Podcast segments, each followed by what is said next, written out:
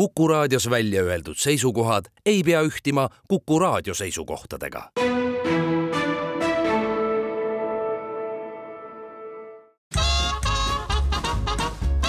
jäljed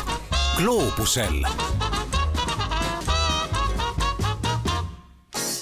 tervist ja kena augustit teile Jäljak loobusel tiimi poolt, nagu ikka, istuvad äh, mikrofonide taga Väino Laisaar ja Andres Karu. suur tere ka minu poolt on äh, tavaks saanud, et me võtame tavaliselt mõne riigi või mõne piirkonna ette või siis kutsume külalise. täna me oleme nii-öelda nagu äh, noh algse, algse saate juures nagu selles, algse idee juures nagu tagasi, et, et kõige sagedamini me Väntsiga istume lihtsalt kahekesi ja räägime mõnest riigist ja otsustasime, et ei hakka üldse Euroopas seekord kaugemale minema, et võtaks ka mõne riigi, millel oleks hästi palju, millega oleks siis hästi paljudel eestimaalastel äh, mingeid mälestusi, kus on palju käidud ja. ja see on, ma arvan, Eesti äh, kliimapagulaste lemmikkoht mm. -hmm. aga nüüd laseme hetke nagu inimestel mõelda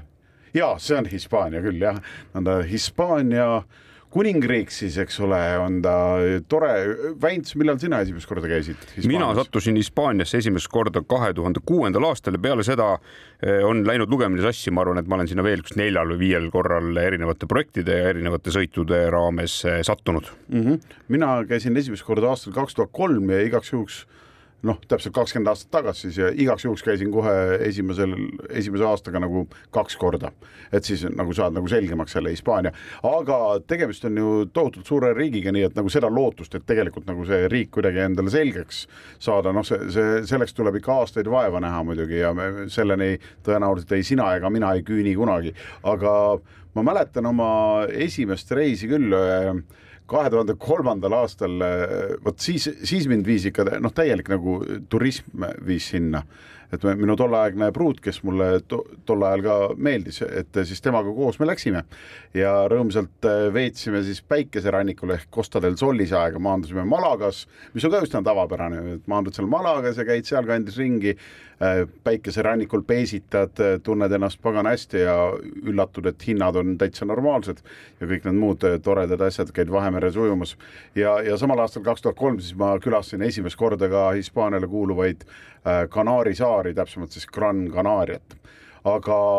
vaatame korra mingitele numbritele otsa ka, et kui, kui me räägime, et Hispaania on suur, siis kui suur ta kokkuvõttes on? jah, no tegelikult eh, on ta sedavõrd palju suur, et kui sa siin enne ütlesid, et paari korraga selgeks ei saa, siis tõenäoliselt ei saa ka paarikümne korraga selgeks. Eh, pindala poolest viissada viis tuhat üheksasada üheksakümmend ruutkilomeetrit, mis on noh, ikkagi Eestiga võrreldes gigantne ja, ja kui ma ei ole neljakümne kuue eluaasta jooksul saanud tervet Eestit selgeks, noh siis võib selle panna noh, näiteks mingisugusesse Hispaania Eh, koefitsiendiga sellisesse Hispaania aastatesse, noh ilmselgelt. ja ilmselgelt tuleb kuskilt võtta eh, aega juurde ja, ja seal elab eh, kokku umbkaudu nelikümmend seitse koma neli miljonit inimest ja, ja mis mhm. Hispaania teeb veel ägedaks ja, ja minu meelest natukene erilisemaks kui paljud teised Euroopa riigid on see, et see tegelikult koosneb nii-öelda haldusjaotuse mõttes erinevatest autonoomsetest piirkondadest ja, ja seal on siis seitseteist autonoomset piirkonda ja kaks autonoomset linna ka veel nende seas, nii et ta tegelikult on kaardi pealt vaadates küll niisugune üks suur kollane lärakas, aga, aga koosneb väga paljudest erinevatest toredatest piirkondadest. Just nimelt ja, ja need piirkonnad ju kõik üldse ju omavahel nagu liiga hästi läbi ei saa ka, noh, kõige suurem nii-öelda vastasseis või, või selline noh, tänapäeval on ju, mida teatakse, on muidugi see, et põhjapoolses osas need katalaanid ehk Kataloonia on ju, on need, kes kõige rohkem tahaksid olla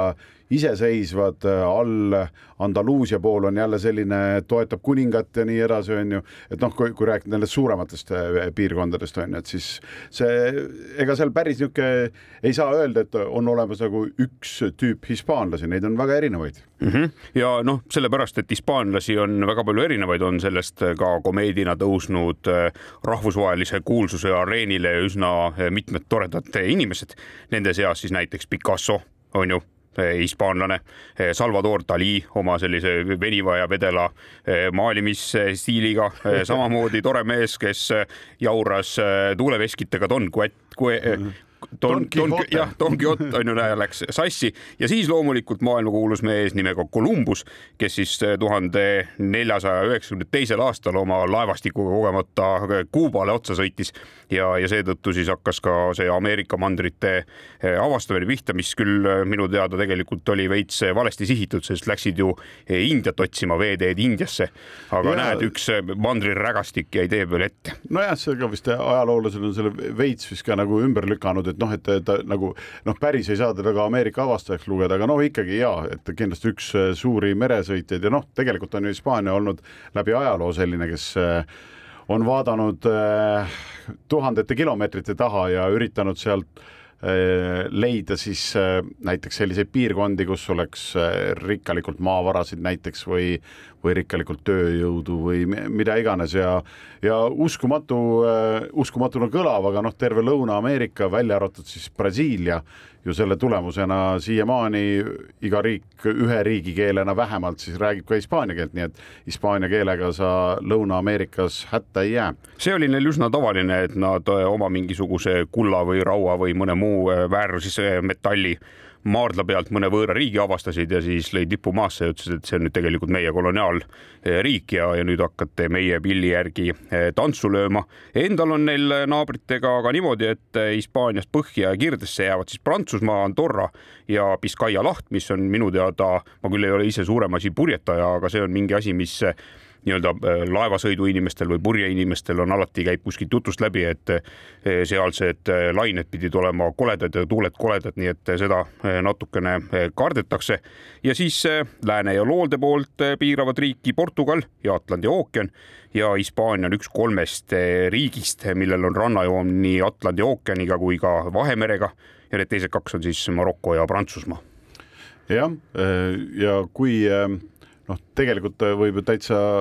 äh, ilma eksimata võib ka lisada veel selle, et äh, et Hispaania ei mahu äh, ühele mandrile ära sest neil on ju pisikene killukene on ka Põhja-Aafrikas, eks ole. ja kaks pisikest kildu, üks neist on Ceuta, kus ma olen ka ise Aafrika mandrile läinud ja teine on Melilla, siis selline pisikene, aga see jäi veidi meie trajektoorist eemale, nii et see on ära käimata ja kui ma siin enne ütlesin, et seal põhja pool on Äh, Prantsusmaa tal naaber, siis, siis tegelikult on seal ka väikene Andorra, mis on selle piiri peale ennast täpselt risti jalgu sättinud. nojah, nii on ja, ja kui enne sai mainitud ka Kanaari saari, siis Kanaari saared loomulikult on ka Eesti inimesele üsna tuntud, sest äh, mis seal salata, Tenerife oli üks juba üheksakümnendatel üks selliseid äh, unistuste reisisihtkohti, kuhu äh, sooviti minna ja, ja aina enam siis reisikorraldajad sinna ka reise tegema hakkasid ja noh, teine suurem saar, Gran Canaria samamoodi. Ja noh, eks need kõik teised äh, pisemad seal ka on leidnud äh, üles Eesti turisti ka ilusasti. ja ühes mõttes on Hispaania veel edetabelites, tal on näiteks naaber Portugaliga Euroopa Liidu kõige pikem katkematu piirijoon ja see on siis tuhat kakssada neliteist kilomeetrit mis iseenesest on väga palju. kaardi peale vaadates tegelikult tundub, et äh, siin mandri peal on ka äh, pikemaid omavahelisi äh, piirijooni, näiteks Norra ja Rootsi vahel on tuhat kuussada kakskümmend, aga Norra meil ei ole Euroopa Liidus, nii et Hispaania saab praeguse hetkeni seda rekordit enda käes hoida mis ma mäletan oma esimesest kahe tuhande kolmanda aasta reisist, kui oli see, et sai lennatud Malagasse ja seal kuskil päikserannikul oldud mm, seal, seal on ka muidugi noh, kurukuuluse Marbella jääb ka sinna, kui hakkad minema Malagast nagu näiteks Gibraltari poole onju, et kuhu siis ütleme niimoodi, võimude eest põgenevad inimesed tihti pidama jäid, sest seal oli, kui sul oli raha, siis sa võisid osta endale sellise puutumatuse taolise toote see oli poelettidel saadavalt vabalt onju, et kui puutumatu tahtsid olla, siis õiges poes õigetele inimestele raha andes sa selle puutumuse, puutumatuse endale said. Ja siiamaani, eks ta, eks nad, no see on ka tegelikult üks asi, mis on nagu tohutult võluv, vähemalt minu jaoks nagu hispaanlaste juures, et, et nad vahe, vahepeal võivad meiesuguseid nagu põhjamaalasi nagu närvi ajada oma suhtumisega, aga selles midagi ei ole teha, on ka mingi võlu, see nagu see manjana ja see minnalaskmise meeleolu, et, et ah, pole midagi, täna ei jõua, teeme siis homme ja noh, niisugune, et no mis asja, noh, kuule kokkulepe, et kuni nagu allkirja all ei ole, et see, et me nagu siin suuliselt leppisime kokku, et homme lähme koos seda ja seda tegema, et no kuule, ole nüüd, et lähme lähme kahe tuhande kolmekümne kuuendal, noh, et mis siin on, on ju, ootame natukene. Ja noh, see niisugune ja samas nagu mingi, mingi selline hetke eh, nagu, et hetke tuleb alati tabada ja mõned asjad on nagu, et kui me kohe ei tee, siis homme on hilja aga samas jällegi on nagu see, et kui homseks mingi asja kokku lepime, siis no seda ei pruugi tulla. on ju mingid niisugused kummalised asjad, et ma mäletan ka seda, et kuidas üks mu sõber rääkis, kuidas ta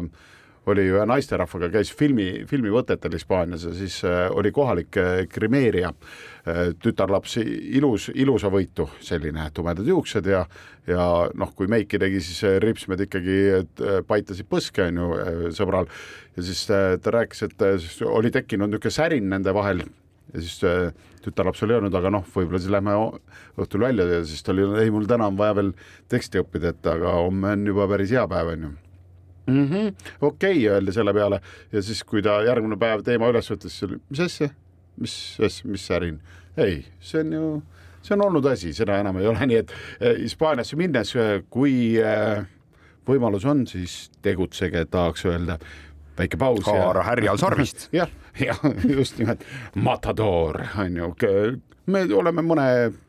minuti või sekundi pärast juba tagasi, oleneb, kas kuulate meid otse või kuulate podcast'ist järgi. Jäljed gloobusel hää kuulaja, eetris on saade nimega Jäljed gloobusel ja Karu ja Vents on stuudios ja sellel korral teeme oma jälgi sellisesse põnevasse kohta nagu Hispaania kuningriiki. ja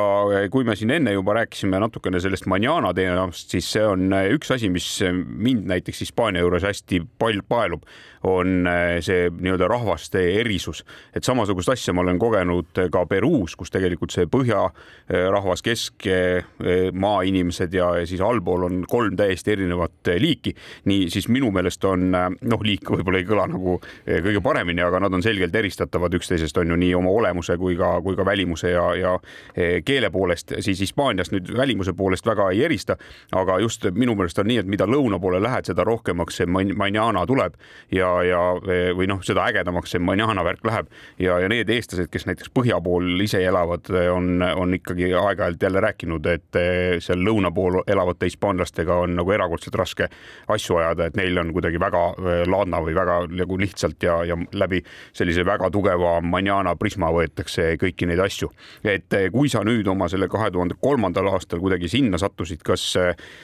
oli seda ka omal nahal kuidagimoodi väga tunda? oli, oli ikka nagu see, et noh, seesama, mis juba enne sai öeldud, et ega need kokkulepped või võib-olla ma teen natukene liiga, tegelikult üldjuhul ikkagi kokkulepped pigem kehtisid, aga nad nihkusid. on ju, et noh, kui see, no see, et nagu hilineda on mingi kolmveerand tundi, see noh, see, see ei ole mingi teema nagu seal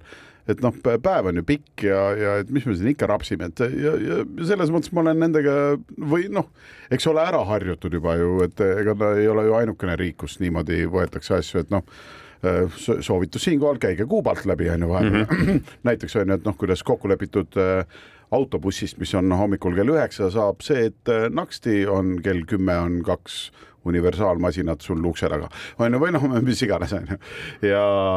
aga vot seal, seal rannikul nagu selline noh, üks asi, mis, mis võib-olla hoiab seda nagu päris rannikul ja päris niisuguses turisti osas hoiab natukene kontrolli all, ongi seesama, et nad on turismile orienteeritud ja nad on aastatega aru saanud, et noh, siin käib ikka väga erinevaid inimesi, kellel on väga erinevaid arusaami ja kui nad näevad vähe blondimat venda nagu lähenemas, siis on selge, et need on need, kes võtavad nagu jube tõsiselt mingit kellaaegu ja nagu see, et eks nad siis natukene tulevad sulle nagu vastu ka, sest sellest sõltub ju nende kassa, ega, ega, ega muud ei olegi. nii et see, seetõttu seal nagu noh, päris nagu hulluks nagu keegi, keegi meid ei ajanud nii-öelda, aga seal tohutult nagu kuidagi mulle nagu meeldis see, et, et okei okay,, seal oli liiga palju turiste, üks asi, aga, aga jällegi see, et sa, sa kuidagi nagu nüüd ma, ma Eestis ei viitsi mere ääres eriti vedeleda näiteks, aga noh, seal viitsid millegipärast. Ja noh, Eestis võib-olla isegi kui vesi on väga soe, on ju, noh, käid, käid nagu kolm korda ujumas päeva jooksul noh, seal ikka pigem käid nagu seitse nagu umbes, et noh, et kuidagi on nagu teistmoodi ja, ja noh, ikka loomulikult prillid ja maskid ja kõik muud asjad, snorgeldamised, värgid, võid vee peal fun'i fa,, noh, seal mütata ja, ja erinevaid lõbusaid atraktsioone nautida. aga üks asi, mis ma, ma mäletan sellest kahe tuhande kolmandast aastast, et oli ka kohe mul esimene kokkupuude jalgpalliga ja see algas üldse kuidagi kummaliselt niimoodi, et sealsamas nagu äh, Costa del Solis ehk siis nagu päikeserannikul äh, Malaga ümbruses ja sealkandis hakkas silma, et peaaegu kõikide hotellide rõdul mingis kohas äh, lipub äh,, ripub äh, Iiri lipp. noh, see on niisugune heledam roheline, valge ja siis heledam punane mm. -hmm mõtlesin, mis, mis värk sellega nagu on, et miks need Iiri lipud siin nagu siis lehvivad ja siis küsisime nagu kohalike käest, miks, miks neid iirlasi siin nii palju on, et need ei saanud midagi aru, mis iirlasi ja siis ma ütlesin, noh, need lipud, mis seal rõdul on, aa ei, need on need äh, Šoti jalkafännid. ja siis saime teada, et on selline tore, on ju noh, pika ajalooga ja väga kuulus Šoti jalgpalliklubi nagu Glasgow Celtics. Ja, ja neil oli õnnestunud siis aastal kaks tuhat kolm saada UEFA Cupi finaali mis toimus siis äh, päikeserannikust üldse mitte väga kaugel, Sevillas. Ja Sevillasse siis äh, oli, oli tulemas noh, ühelt poolt siis Glasgow Celtics ja teiselt poolt siis äh, portugallaste Porto, et noh, ikka väiksed, väiksed riigid küll, väiksed klubid, aga noh, üle maailma tuntud. Ja nemad olid siis finaali välja jõudnud ja ja, ja neid fänne, et noh, see tundus nagu nii uskumatu ja ma mõtlesin, kas tõesti jalgpall on selline, et vot sellise finaali pärast tullakse nagu ühte riiki kokku, nii palju tuleb nagu inimesi, et sa nagu tänavapildis nagu kogu aeg neid rohevalgeid Celticsi särke näed igal pool nagu igas purskkaevus on vähemalt nelikümmend tüüpi selliste särkidega on ju vee alla ära kadumas kohe. et eh, kas see, et kas see käibki kogu aeg nagu juurde ja igal pool lauldakse ükskõik mis lennujaama me sattusime või, või mingisse kogunemispunkti kogu aeg ja, ja mingi kaheksakümmend matši jälle korraga panevad mingit asja. ja hiljem ma lugesin isegi huviga selle kohta, et mis, mis siis nagu, et mis need numbrid on ja et kas see oli niisugune tavapärane, sest noh, Porto fänne nagu noh, oli, ma ei tea, iga kolmeteistkümnes oli Porto fänn, kuigi Portugal on naaber, on ju, et ei pidanud üle mere lendama või läbi tunneli sõitma, on ju. ja siis äh, saingi guugeldades teada, et äh,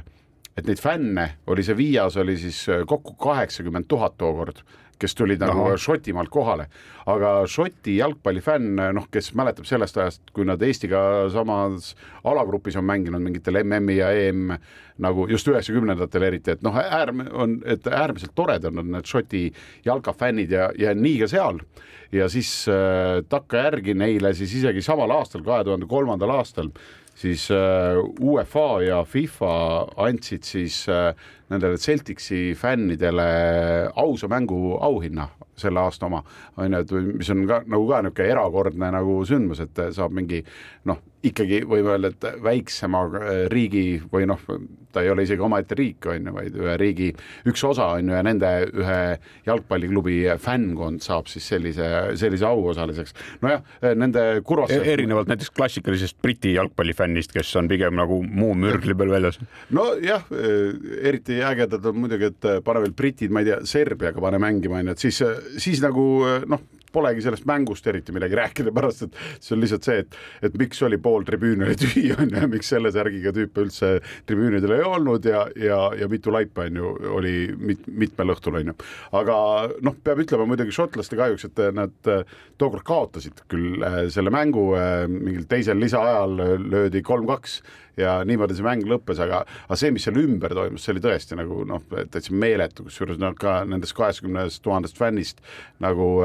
no iga neljas oli selline, kellel ei olnud ööbimiskohta ja, ja rääkimata mängupiletist on ju, mis oli üldse nagu, ma ei tea, mitmel neist ainult, aga noh, tuli kohale minna, sest meie tiim on vot niisugune võib-olla sünnib ajalugu on ju, et vot selline jalgpalliga kokkupuude oli ka kohe aastal kaks tuhat kolm mul. mulle praegu tuli meelde, kui sa nendest lippudest rääkisid, siis ma olen umbes samasuguse asja eh, läbi elanud eh, seal Põhja-Hispaania poole peal, kus siis on see kataloonid elavad ja, ja nendel on nii-öelda oma see selline riikluse poolt ja iseseisvuse poolt on nad alati võidelnud ja, ja olen paaril korral sattunud nendele aladele siis, kui on parasjagu jälle see nii-öelda iseseisvumise hõng on löönud lõkkele ja, ja siis on ka niimoodi, et linnad, tänavad, kõik kohad on need katalaanide lippe täis ja, ja sihuke väga veider tunne on, nagu oleks mingisuguse paraadi keskele sattunud, aga tegelikult ei ole paraadi, on, on lihtsalt selline eh, nii-öelda eh, patriootlik puhang iseseisvuse poole. Mm. -hmm, jah, aga kaks tuhat kolm jah, minu teine sattumine oli siis äh, Kanaaridele. Kanaarid on siis noh, noh, loodusgeograafiliselt ilmselgelt nagu Aafrika osa tegelikult, aga noh, jäävad sealt rannikust mingid sajad kilomeetrid lääne poole, aga ajalooliselt siis äh, hispaanlaste käes ja siis me sattusime siis äh, tolleaegse pruudiga sattusime Gran Canaria saarele ja, ja ma ei mäleta sellest reisist nagu palju, no loomulikult ma mäletan seda, no me natukene seal mägedes liikusime ka ringi ja proovisime seda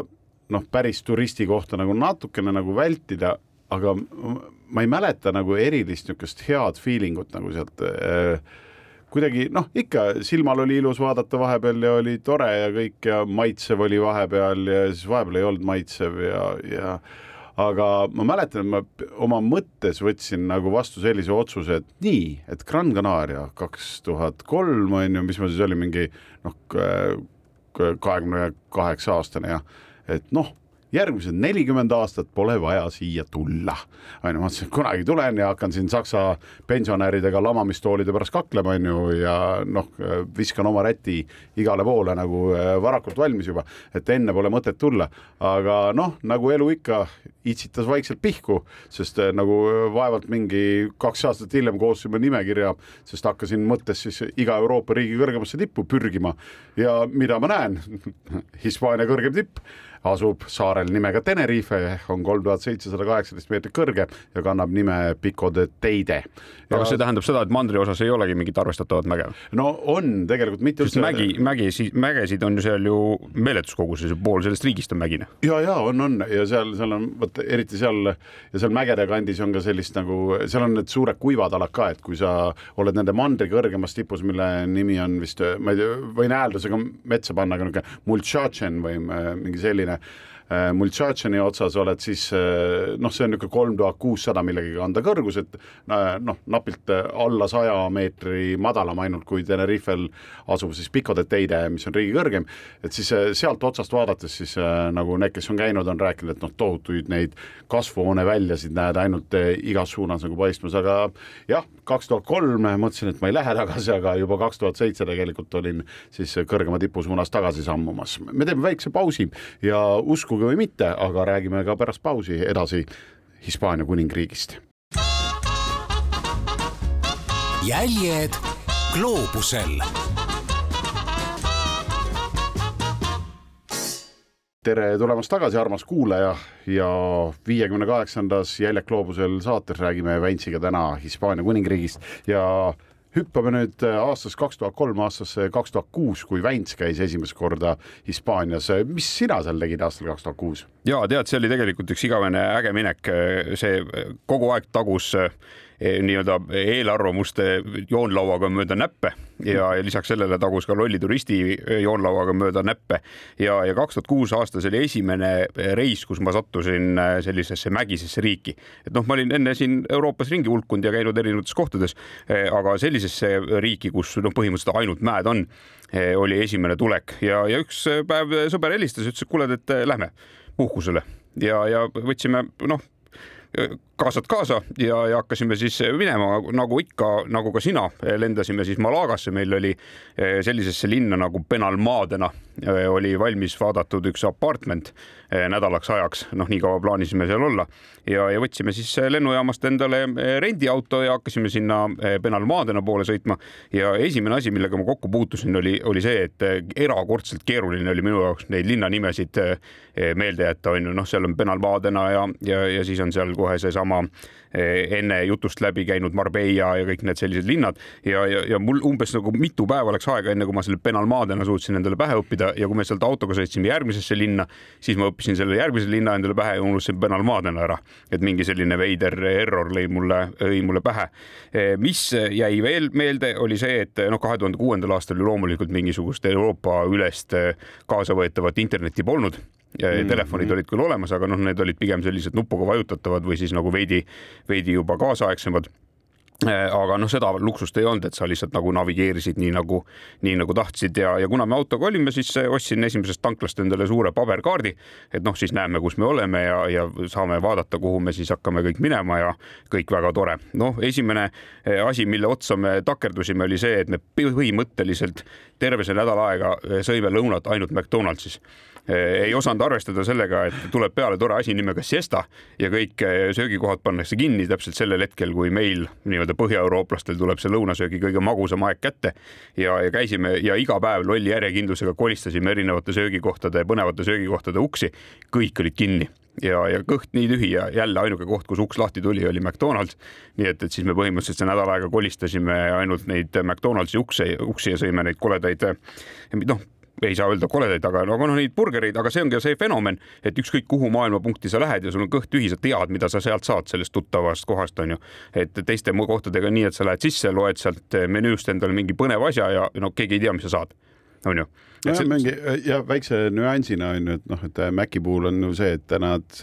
nad ikkagi erinevates maailma paikades, kui on piisavalt nii-öelda klienti, siis nad pakuvad midagi. see ei ole ka ainult Maci puhul, et ma, ma olen märganud ka näiteks Starbucksi puhul, et nad katsuvad vahel teha no midagi erilist, et noh, esimesed asjad, mis meelde tulevad, et äh, Araabia maades äh, McDonaldsis sul on võimalik saada ka äh, oota äh,, Mac Arabicu nimelist äh, nagu burgerit. Mac Arabik. Indias oli Mac Maharaja no, ja, ja kui võtsin äh, sellise, mis oli siis ilma nende vürtsitärnideta, siis ka see oli nii vürtsikas, et kaheks päevaks tappis keele ära suus. see lihtsalt lotendas seal tuule käes ja, ja pärssis rääkimist, aga, aga noh, kui oleks veel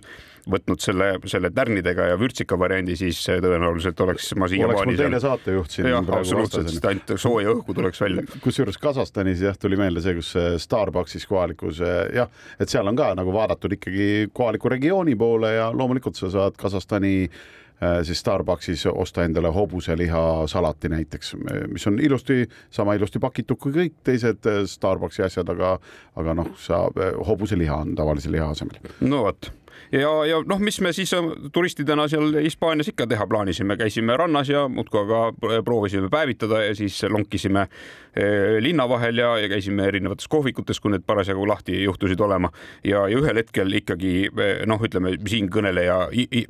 hing saab ikkagi juba täis sellest rannas vedelemisest ja hakkab juba kipitama kuhugi mujale. Ja, ja lõime siis ühel hetkel oma seal apartmendis istudes selle suure kaardi lahti ja vaatame, et ära sina ütle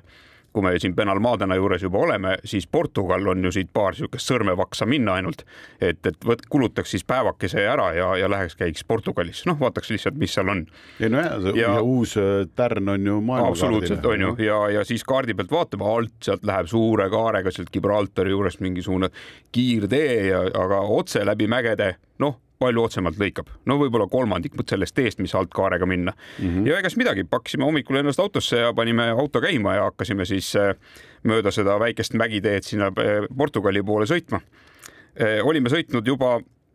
no ütleme tundi kolm süda oli kõigil juba paha seal nende serpentiinide peal kruttimisest ja, ja kaardi peale vaadates selgus, et me olime Benalmadennast suutnud umbes poolteist sentimeetrit kaugemale sõitma, sõita ja, ja, ja siis hakkas see, see entukas vähenema Eh, kruttisime veel paar tundi, siis saime aru, et eh, öö tuleb kätte ja me ei jõua mitte kuskile, et peamegi võib-olla jääma siia eh, mägedesse ööbima ja, ja tegime plaani ringi, et keerasime siis omadega alla üldse sinna Hispaaniasse. noh, tagantjärgi mõeldes, olles nüüd hiljem ka väga mägistes riikides sõitnud, siis, siis tegelikult on mingi põhjus, miks suure kaarega lähevad sellised sirgemad teed olulisematest punktidest läbi, et see on ainuke viis kuhugi Eh, kuhugi kohale jõuda, sest kui kaardi pealt, paberkaardi pealt veel eriti vaatab eh, otsa tee, mis tundub üsna sirge, siis see on ikkagi eh, nii-öelda tavalooduses väga tugeva koefitsiendiga ja, ja ei ole seal ei kõrgusi peal ega muid asju, nii et siinjuures soovitan, kes on ka värske mägisele maale mineja, siis igaks juhuks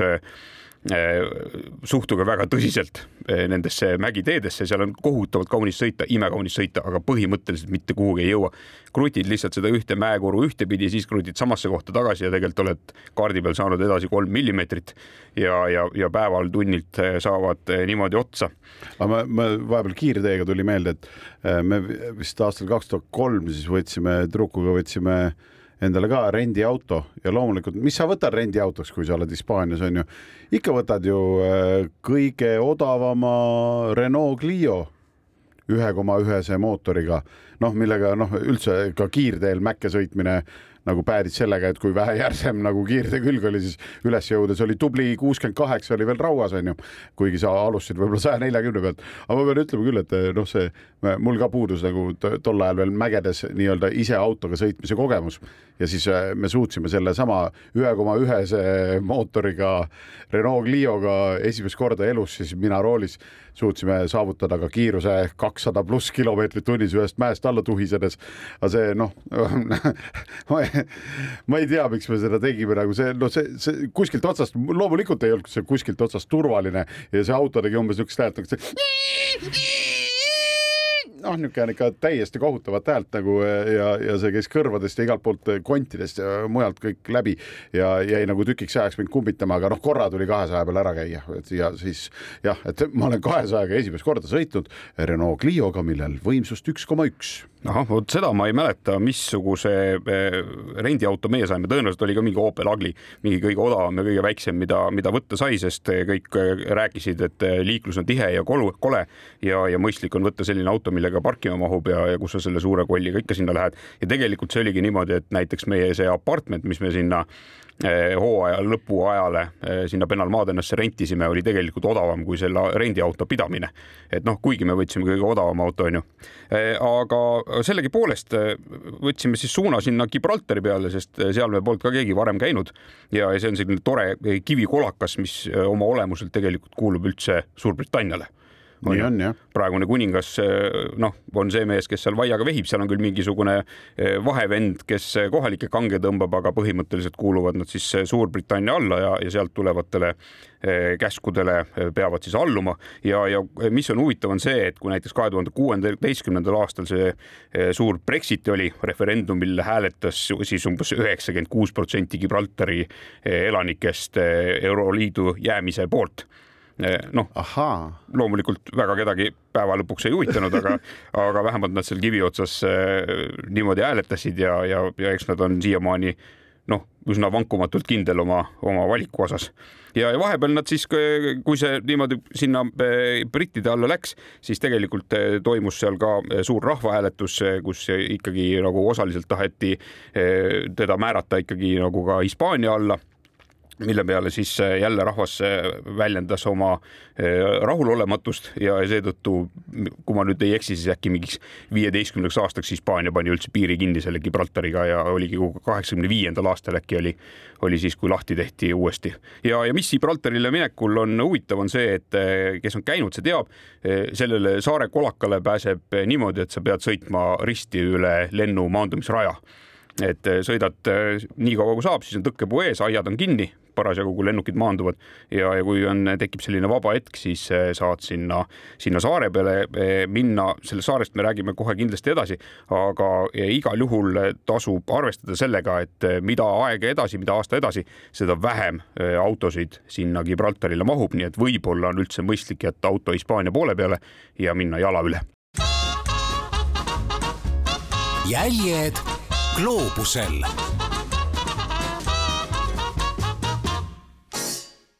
tere tulemast tagasi, me räägime Väntsiga täna Hispaania kuningriigist ja jäime pooleli küll sinna, et hüppasime korra ka Ühendkuningriikidesse, sest Hispaania puhul on seda väga lihtne teha, kuna Gibraltar, mis on on, oleks nagu on ju Hispaania osa väliste tunnuste järgi on tegelikult hoopis kuulumas Suurbritanniale. said lennujaamast siis lõpuks üle, tehti tõkkepuud lahti või? ja sain lennujaamast üle ja, ja sõitsime sealt üle ja hakkasime siis seda toredat kivikolakat äh, avastama, aga ma enne klaariks ära, enne puterdasin siin äh, peas oleva ajaloosse sahtlitesse kolistades eh, sellega, et eh, see referendum toimus eh, tuhande üheksasaja kuuekümne seitsmendal aastal ja, ja siis oligi, esitati nagu ultimaatum, et olge nüüd head mehed ikkagi, et tulge sealt brittide alt ära ja, ja saage Hispaania osaks. noh, gibraltarlased lükkasid selle lahke pakkumise kolinal tagasi, mille peale siis onud Hispaanias ikkagi reageerisid palavalt nii-öelda sensusele kohaselt ja rahvusele kohaselt ja, ja siis tuhande üheksasaja kuuekümne seitsmendast kuni tuhande üheksasaja kaheksakümne viienda aastani oli siis Gibraltari ja Hispaania vaheline piir kinni. noh, seejärel tehti lahti, mõeldi, et on õpitud, õpitud. kahe tuhande teisel aastal küsiti uuesti ja gibraltarlased jälle ütlesid, et eh, olge lahked, siin on teie tore pakkumine, elage sellega edasi, aga noh, nüüd enam piiri kinni ei pandud Mm -hmm. mis selle Gibraltariga on huvitav, et tegelikult on hästi pisikene, kuus koma kaheksakümmend neli ruutkilomeetrit noh, põhimõtteliselt selline kivikolakas ja ega seal muud ei olegi, seal on väike tükikene ümber selle kolaka lauskmaad ja, ja siis keset saart kerkib selline suur kalju merest välja. noh, kui me siin enne oleme rääkinud, et näiteks San Eh, Marino, Marino. on põhimõtteliselt riik ongi ainult üks mägi, siis, siis seal kõrval on ikkagi natukene lausmaad ka, nii et väikese paralleeli eh, saab tõmmata. ja eh, hoolimata sellest, et see kogu väike riigikene on kuus koma kaheksakümmend neli ruutkilomeetrit suur, elab seal umbes kolmkümmend neli tuhat inimest mis tähendab Oho. seda, et tegelikult on äh, päris ahvatlev ja asjalik sahmimine. Äh, ruutkilomeetri kohta teeb see neli tuhat üheksasada seitsekümmend üks inimest. ehk siis põhimõtteliselt noh, äh, kui järsku tahad ümber keerata, siis pead igaks juhuks vaatama, et kellelegi, kellelegi pihta ei lähe ja Hispaaniaga seob neid siis ühe koma kahe kilomeetri pikkune piir on ju, mis põhimõtteliselt jooksebki sealt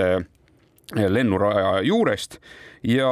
e, kõige kõrgem koht peaks olema minu meelest nelisada kakskümmend kuus e, meetrit. Ja see mm -hmm. Gibraltar on ainukene koht Euroopas või vähemalt kahe tuhande kuuendal aastal oli ainukene koht Euroopas, kus elasid ahvid. Ja, ja see on nüüd turistijoonlaud number jumal teab mitmes minu vaimusilmas oli ahv ikkagi selline nunnu, pehme, soe ja mõnus asi. Eh, kuigi me hakkame sinna, hakkasime sinna mäe otsa minema, siis seal ongi kaks varianti, et üks on see, et sa ikkagi ignoreerid kõiki keelavaid või tähendab soovituslikke eh, suunaviite ja, ja infotahvleid, mis ütleme, soovitavad sul rangelt autoga mitte sinna mäe otsa sõita et ja et jätta auto alla, on ju tänapäeval saab ilusti sinna ka selle sellise köisraudteega mäe otsa võid ka jala minna, mis on ka väga tore, osad inimesed käivad ka Peruus Inka treilil mööda sinna Machu Picchule on ju, noh, inimesed on erinevad. meie ikkagi kuhugi maani pressisime autoga ja siis saime aru, et see ei ole väga mõistlik pealehakkamine, sest tee on kitsas, keer-, keeramised ja kurvid seal serpentiinide peal on hästi järsud ja vastu tuleb igavene hunnik valgeid kaubikuid, mis siis inimesi sinna veavad, on ju, lisaks sellele köisraudteele ja jalaminejatele. nii et me mingisuguse koha leidsime, jätsime poole mäe peale auto ja, sealt siis läksime selle valge äh, valge inimesi vedava äh, bussiga edasi ja jõudsime sinna ülesse, noh pamparabaa, igavesti äge, nüüd oleme siin ja kohe on ahvid, on ju. järgmised sildid hoiatasid, et olge ahvidega ettevaatlikud, et äh, need on igavesed šaakalid Eh, võtavad sult kõik asjad ära ja viivad minema. Ja erinevalt näiteks siis Palisaare ahvid, kes siis eh, nii-öelda õige talitajale raha andes toovad su prillid ja telefonid ja kogu muu kraami tagasi, siis Gibraltaril selline talitaja puudus. Ja, ja kui sult ikkagi mingid asjad ära võeti, siis ise olid süüdi. Ja, ja nad näiteks need, kes läksid puuviljadega siin üles, noh, need said põhimõtteliselt ahvidelt lihtsalt peksa.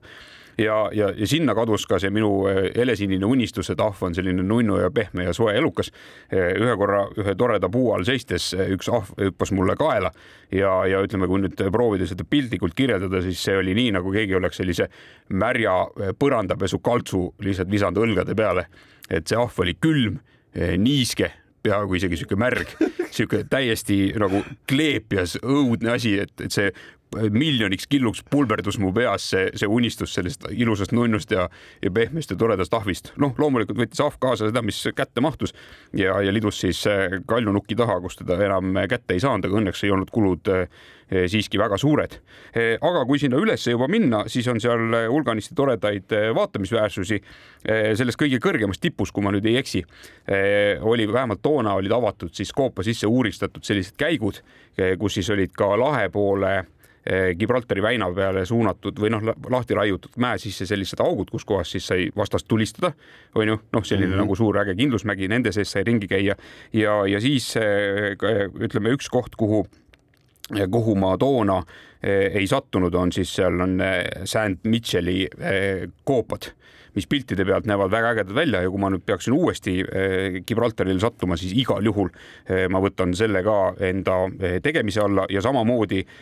on nüüd see koht, kuhu siis rippraudtee üles-välja läheb, on siis Skywalk Gibraltar, mis on siis niisugune suur vaateplatvorm ja ta on sellest kõrgemast tipust natukene maad küll veits madalamal ja natukene maad eemal, aga, aga noh, ma usun, et sealt on ka meeletult äge vaade on, võin kinnitada, mina olen seal jälle käinud ja seda, seda vaadet äh, nautinud, tõesti ja me, minul ei olnud nende ahvidega nii halvad suhted, võib-olla ka sellepärast, et mul ei olnud midagi nagu ahvatlevat, ei olnud ei käes, peas ega kaelas on ju ka kuskil, et nad, nad seetõttu jätsid mind täitsa rahulikult rahule. mulle meeldis, mulle meeldis see, see Gibraltarile mineku, nagu ma olin varem korra Suurbritannias, täpsemalt Londonis, siis olin käinud. Ja ja see, kus, kus sa mõtled, et kui, kui nagu kaks riiki on nii kõrvuti ja see, see Gibraltari kalju, see kuus pluss ruutkilomeetrit on ju, et ta on nii väike, et siis mõtled, et, et aastasadade jooksul ju peaks ikkagi nagu täiesti selline nagu lõimumine ja läbipõimumine, kultuuride, kõige muu nagu toimuma. ei väga konkreetselt on ikkagi see, et nagu ka pildiliselt juba see, et sa lähed äh, sealt lennuväljalt lähed üle nagu ja juba paistab see punane telefoniputka on ju nagu täpselt brittide stiilis kõik, vot kõik asjad ongi nagu kohe on nagu täpselt nii nagu see, et noh, tulebki noh, täpselt see, et hommikul näedki piimameest viimas piimapudeleid, kuigi see on jube kallis ja see tuleb Hispaaniast tuua, aga no ikkagi noh, käib piimamees ja noh, kõik muud asjad ja, ja ajalehed ja nii, nii edasi, noh kõik. ja minu meelest oli ka lingvistilises mõttes täpselt samasugune üleminek Hispaania poole pealt Gibraltarile, kus hispaania keel vahetus plaksust inglise keele vastu, noh, nii nagu umbes meil lähed Lätti, onju astud mm -hmm. kaks sammu üle piiri ja juba on Usmaniibu ja, ja Saldejumps on ju mm. -hmm. et, et tegelikult jah, et nii-öelda väga vähe seda eesti keelt on kandunud ühele poole ja, ja teisele poole, mis on iseenesest väga huvitav, sest tegemist on ju lihtsalt mingisuguse suvalise eh, paberile joonistatud joonega. Mhm. jah kas on sul Gibraltari kohta midagi veel või me lähme? ja ma nii palju tegelikult saad... soovitaks, et, et kui nüüd keegi on sinna minemas ja ei ole varem käinud, siis igal juhul soovitan jätke auto sinna alla. E, ka seal on tänapäeval väga vähe võimalusi autot parkida, e, aga hea õnne korral e, õnnestub sinna auto siiski kuhugi nuka peale ära panna ja, ja, ja kogu see ülejäänud noh, ütleme teda riik on, on käsitsi käidav, seal on hästi tore linnaosa seal all lameda maa peal ja, ja kui on ülesminek, siis kindla peale kasutage kas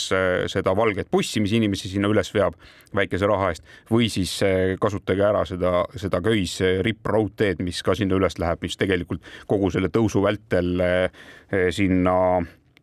neljasaja kahekümne kuue meetri, ütleme neljasaja meetri peale tõustes ikkagi pakub seda vaadet, sest see oma autoga sinna üles ronimine, sellel ei ole mitte mingit rõõmu. just hüppame siis selle saate lõpuks äh, Hispaaniasse uuesti tagasi. Äh,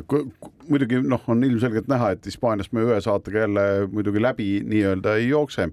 Äh, ja, ja see ei ole ka meie eesmärk.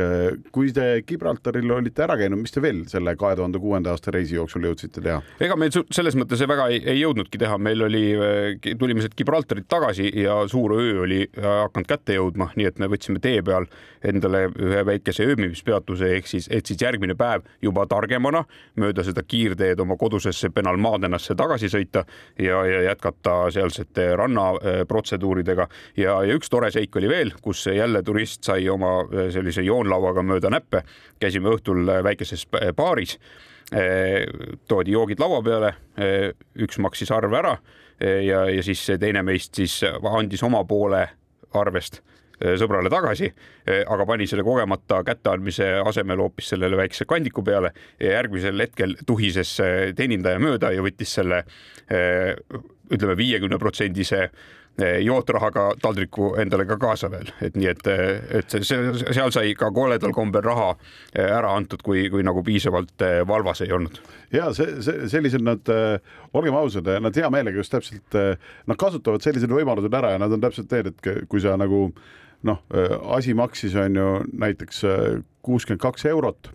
ja sul on viiekümnesed, annad talle sada siis ta nagu noh, võtab selle vastu ja kohe järgmine hetk langeb sulle kaela ja ütleb oi, gracias, gracias, senor ja kõik nõnda, et sa oled päeva parim klient ja kõik muud ja siis sa üritad nagu nõnda, et ta juba lahkub ja sa üritad ei, ei, kuule, change ja mingi, et oh, et ma ikka tipi tahaks nagu ise panna, et, et ei ole päris nii, et kolmkümmend kaheksa nüüd jääb äh, nagu kuuekümne kahesele arvele nagu tippi, et, et tõmbaks selle kuhugi sinna noh, et see võiks olla seal kümne euro kandis on ju umbes. Ja aga noh te,, tema on juba läinud ja, ja seda teenindajat sa rohkem ei pruugi enam oma elus kohata. aga nagu me Väntsiga vahepeal juba ütlesime, siis, äh, siis meil on äh, järgmine, järgmine nädal äh, on tulemas uuesti Hispaania saade, sest me ei jõudnud täna kaugeltki mitte kõike ära rääkida. jah nii et kohtumiseni nädala pärast. jälle Gloobusel viiekümne kaheksas saade oli see. olge meiega ja püsige avarad. jäljed gloobusel